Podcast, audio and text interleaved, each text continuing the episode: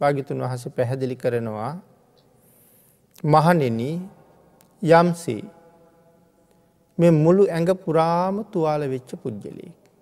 ලු ඇඟම තුවාල වෙලා සැරව ගලනවා ඒ පුද්ගලයාගේ ශරීරයෙන්. අං එහෙම මුළු ඇඟම තුවාල වෙච්ච පුද්ගලයෙක් වනයකට ඇතුල් වෙනවා. ඒ වනාන්තරයේ තියෙන හැම ගහකම බොහෝම කටු පිරිලා. ද මේ පුද්ගලයා මේ කැලෑවට ඇතුල් වුනහම අර කටු මෙයාගේ ඇගේ ඇයිනවා. තුවාලවල ඇයිනවා. දැඩිසේ මේ පුද්ගලයා පහුස්ථාවයට පත්වෙනවා.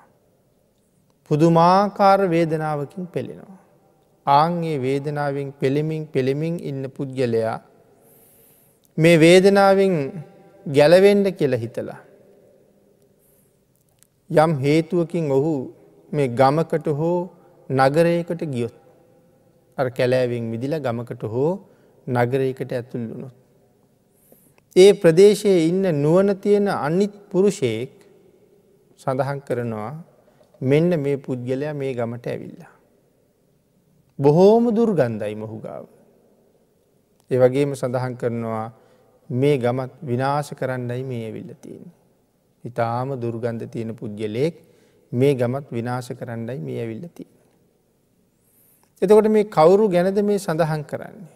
සඳහන් කරන මේ පුද්ගලයාගේ වැරදි තමයි අර නුව නැති පුද්ගලයක් කියන්නේ මේ ගම විනාශ කරන්න ඇවිල්ල තියෙන මොහු ගව බොහොම දුර්ගන්ධයි. මේ පුද්ගලයාගේ සංවරය සහ අසංවරය ගැනයි මේ කතා කරන්න හදන්නේ. එනිසා සඳහන් කලා කවුරු ගැනද මේ කියන්නේ මේ ලෞකික වූ පෘතජ්ජන පුද්ගලයෙක් ආර්ය ධර්මය හික්මිච්ච නැති පුද්ගලයෙක් ගැන කියන්න තමයි මේ උදාහරණය ගෙනල්ල තියෙන.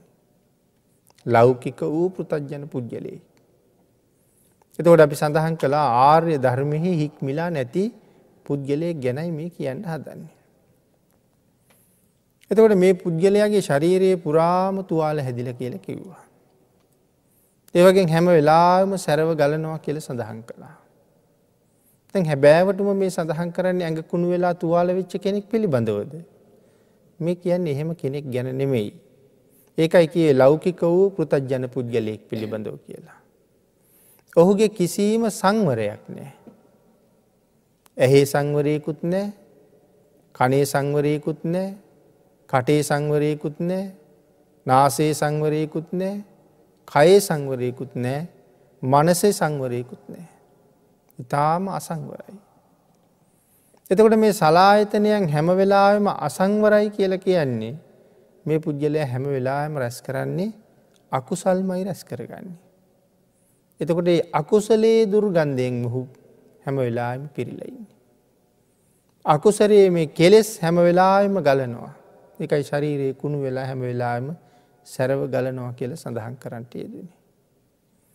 යම් දවසක වනාන්තරයකට ඇතුල් වෙච්ච හම ඒ වනාන්තරයේ තියෙන කටු ඇනිලා මේ තුවාලත් එක ශරීරයේ දැඩිසේ වේදනාවට පත්වෙනවා කියල සඳහන් කළා.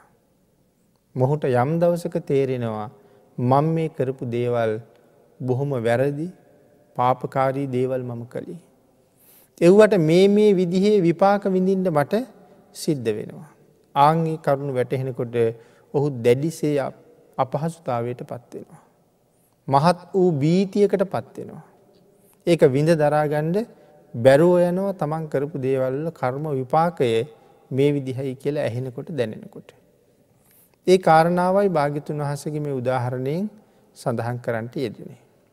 ඉනකට භාගිතුන් වහසේ සඳහන් කරනවා මේ මුළු ඇඟම වනවෙලා තුවාල වෙලා සැරව ගලන මෙවැනි පුද්ගලයන් මේ මිනිස් සමාජ ඕන තරන් ඕන තරන් ඉන්නවා.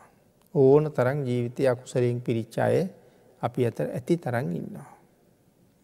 එතකොට ඒ පුද්ගලයෝ යම් දවසක මෙයින් ගැලවෙන්ඩ තීරණය කරානං මේ අකුසල් වලින් මිදෙන්ඩ හිතුවනං තුවාල ටික සනීප කරගණ්ඩ කල්පනා කලානං ආංගේ පුද්ගලය ඒ සඳහා ගිහිල්ලා මහන වෙනවා කියලා සඳහන් කළා. මේ තුවාල ටික සනීප කරගණ්ඩ ගිහිල්ල මහන වෙනවා. ඊළඟට පැහැදිලි කරනවා මහන වනා කියලා තුවාල සනීප වෙන්නේ තුවාල සනීප වෙන්නේ නෑ.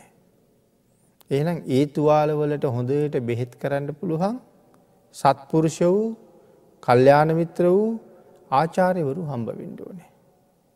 එහෙම උනොත් තමයි එයාගේ තුවාල ටිකට හොඳට බෙහෙත් කරගන්න පුළුවන්කම තියෙන්නේ. අඩුපාඩුව දැක දැක අඩුපාඩුව පෙන්න පෙන්න ඒ අඩුපාඩුවෙන් ඔහු මගහරෝ මගහරව අඩුපාඩු නැති පුද්ගලයෙක් බවට ක්‍රමාණුකූලව ඔහු පත් කරන්න ඕනේ. හැබැයි ඒකට හොඳ කල්්‍යයාන මිත්‍රයෝ අවශ්‍යයි කියල භාගිතුන් වහස සඳහන් කළා.